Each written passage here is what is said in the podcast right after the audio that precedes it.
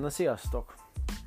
Ma semmi másról nem fogunk beszélni, mint egy olyan eszközről, amit, hogyha semmi más nem alkalmaztok, de ezt az egyet, azzal is hatalmas hatással lehettek a saját érzelmi állapototokra. Én Tóth József vagyok, és ma a szavak erejéről fogunk beszélni.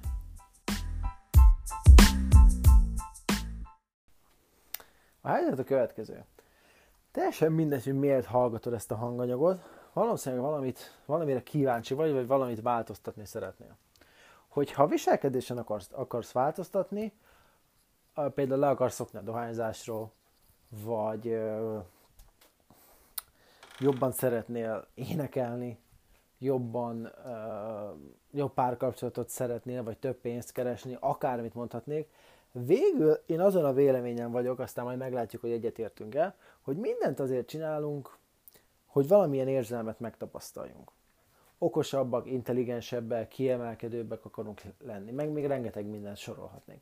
Tehát mi érzelmi lények vagyunk, azért teszünk dolgokat, hogy bizonyos érzelmeket megtapasztaljunk. Ez bizonyára nem újdonság. Az emberek viszont szinte bármit, bármit megtesznek azért, hogy az érzelmeket megváltoztassák. Konkrétan az állapotunk, az érzelmi állapotunk megváltoztatás egyébként egy emberi szükséglet, de majd erről máskor beszélünk. Ha fájdalmat érzünk, az egy alapvető dolog, ami bele van épülve az idegrendszerünkbe, az az, az hogy elkerüljük a fájdalmat, és örömet szeretnénk szerezni magunknak. Valahol minden viselkedésünket ez motiválja. Nyilván elhúzódunk egy égő gyertyától, mert megégetnénk a kezünket, és az fájna. Stimmel?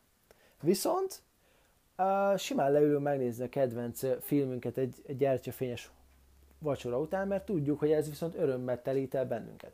Fájdalom és öröm. Ez a, ez a kettő, erről már volt szó, ez a kettő, ez hatalmas befolyással van a viselkedésünkre, gyakorlatilag mindenek körül forog. Oké? Okay? De az emberek bármit megtesznek azért, hogy a fájdalmat elkerüljék, és örömet szerezzenek maguknak. Teljesen, akár drogokhoz nyúlnak, akár olyan dolgot tesznek, ami ellentétes az, az alapvető értékeikkel, olyan dolgot tesznek, amiről tudják, hogy majd fogják bánni, de abban a pillanatban hatékony, például a dohányzás, vagy mondjuk megcsalni a, a feleségüket, vagy a férjüket, mind-mind arra megy ki, hogy bizonyos érzelmi állapotokat megtapasztaljunk, vagy bizonyos érzelmi állapotokat ugye elkerüljünk.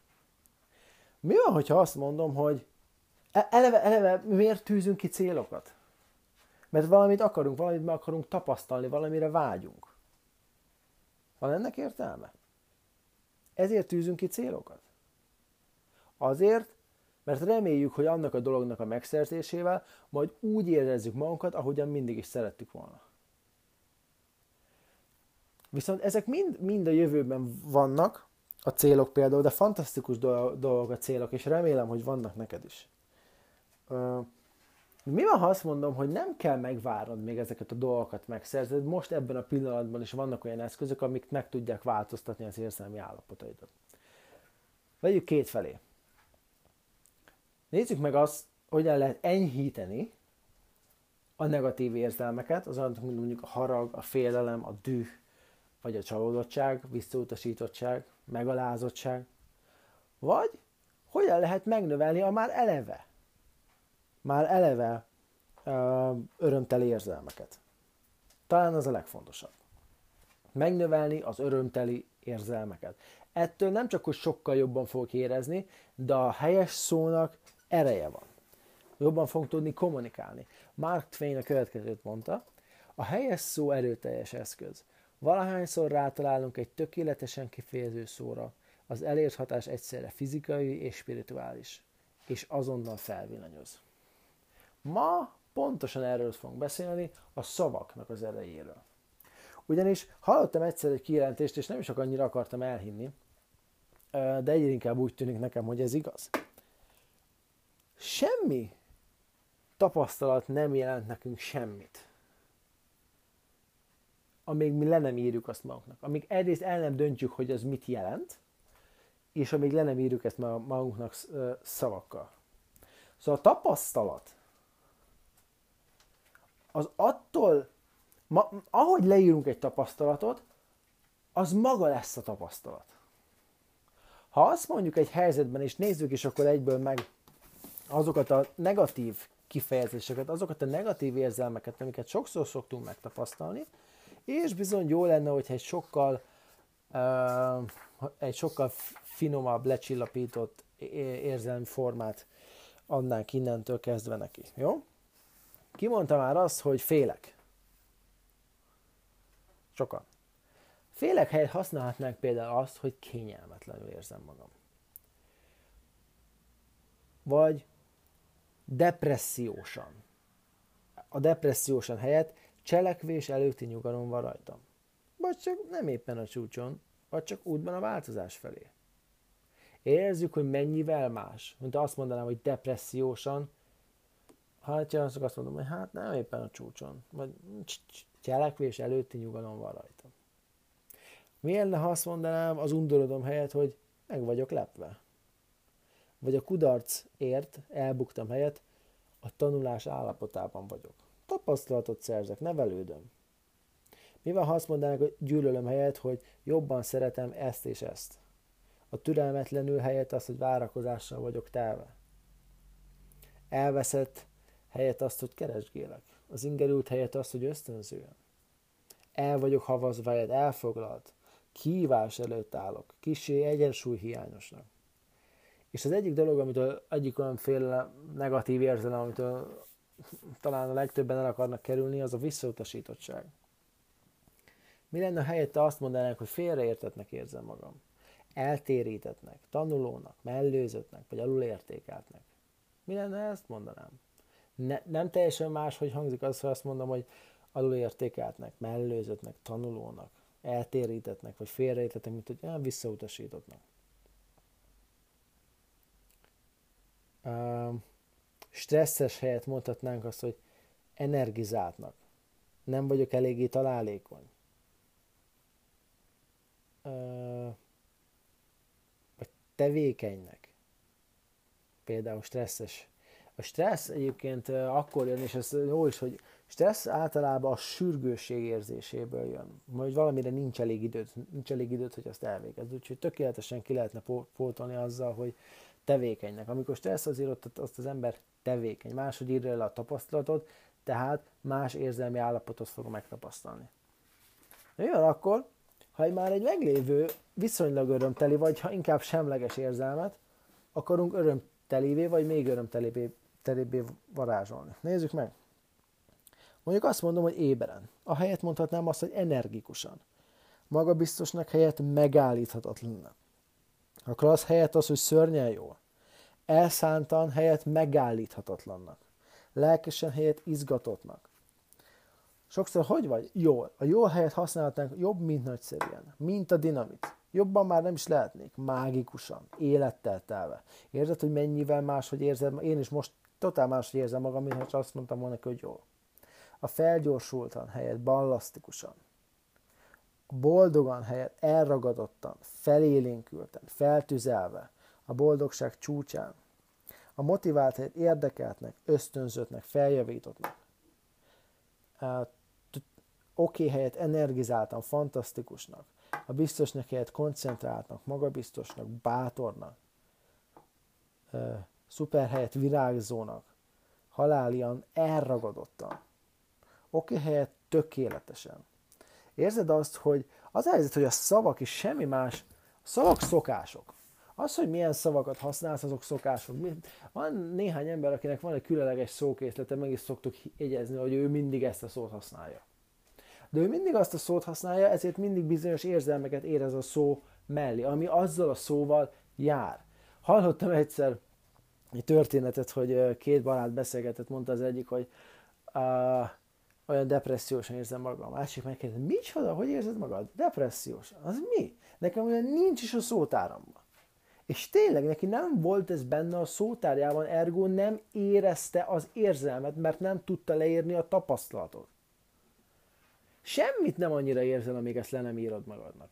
Képzeld el, hogy ülsz egy ö, ö, tengerparton, bámulod a naplementét, hatalmas spirituális élmény ez neked, és egyszer csak jön egy sirály.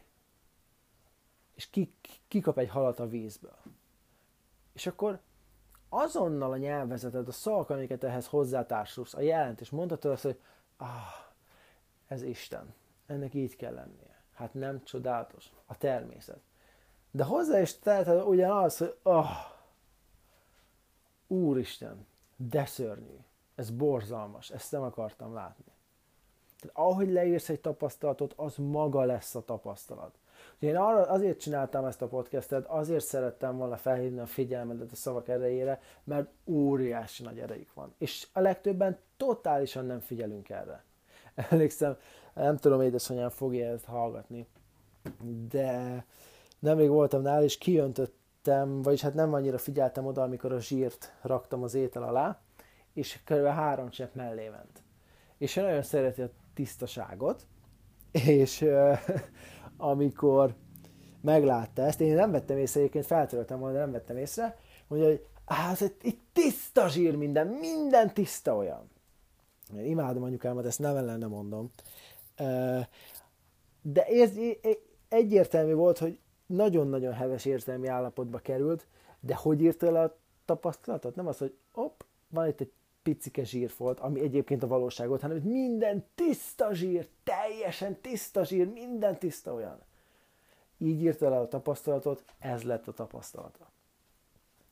És uh, arra figyeljünk, hogy ha tényleg úgy döntünk, hogy a szavak erejét hasznosítani akarjuk, és én nagyon remélem, hogy így lesz, akkor tudjuk azt, hogy a jelenlegi szavaink azok szokásaink. A szokásoktól nem feltétlenül egyszerű megszabadulni.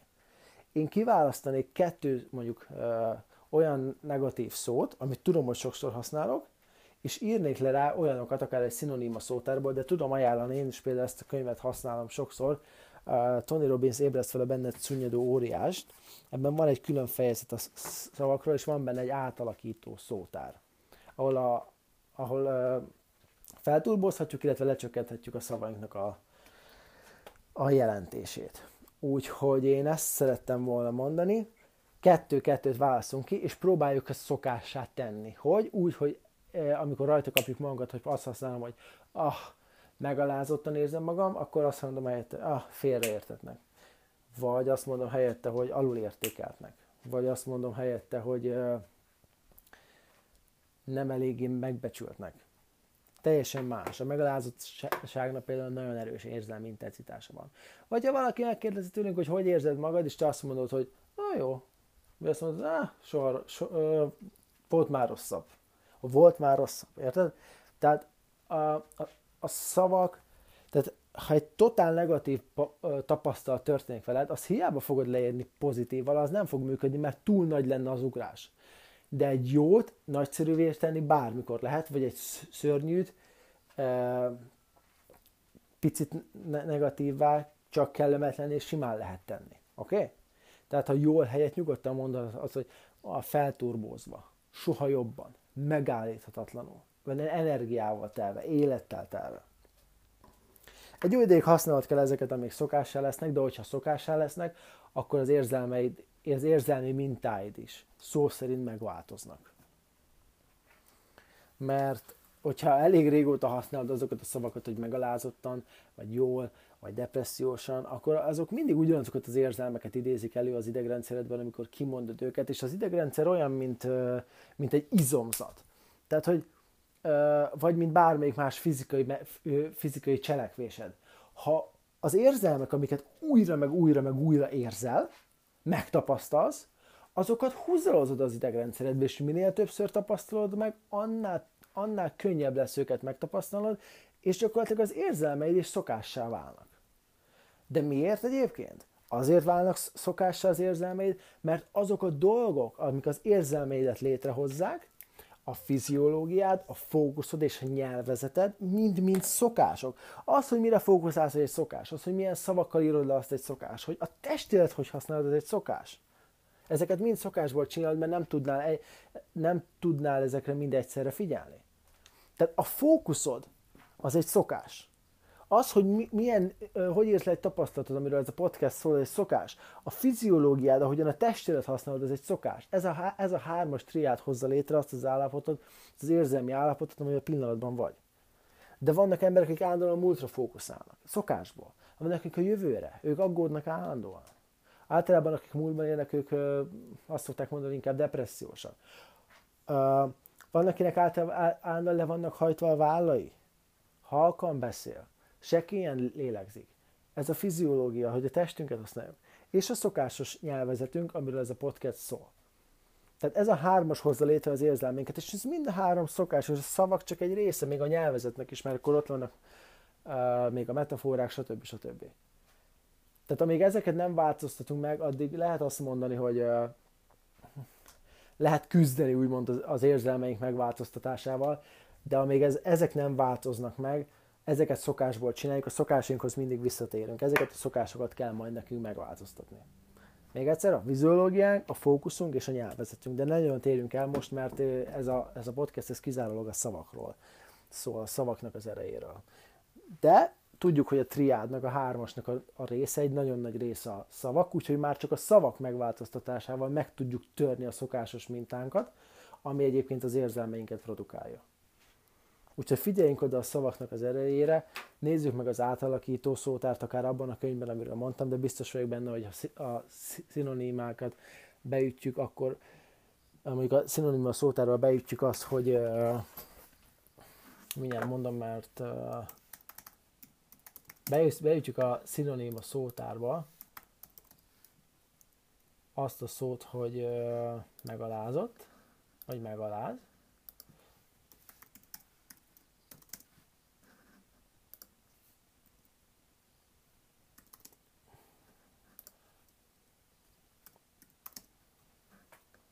akkor azt fogja kérni, hogy lealáz, megszégyenít, lealacsonyít, lealjasít, lejárat. Egy picit mindegyiknek más, egy picit mindegyik más érzelmeket uh, vált ki belőlünk. Majd azt beírom csak egyszerűen az, hogy vicces. Tréfás, vidám, humoros, szellemes, nevetséges, mókás, szórakoztató, mulatságos, bohókás, poénos, jópofa, kacagtató, bohó, röhelyes, fergeteges. Érezzük, hogy egy picit mindegyiknek más érzelmi töltete van. A szavak, amiket használunk, tehát óriási hatással vannak az érzelmeinkre, ha újra és újra használjuk őket, szokássá válnak, tehát szokásosan ugyanazokat az érzelmeket fogják produkálni bennünk.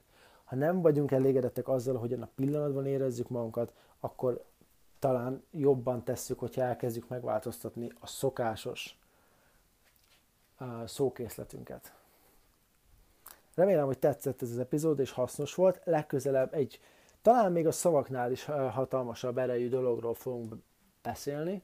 Sokan azt mondják, hogy végül is a siker és a kudarc között, a befutottak és a futottak még kategória között a szokásos kérdéseink. A kérdések, amiket maguknak teszünk föl, még nagyobb hatással vannak ránk, mint a szavaink. Legközelebb erről fogunk beszélni. Sziasztok!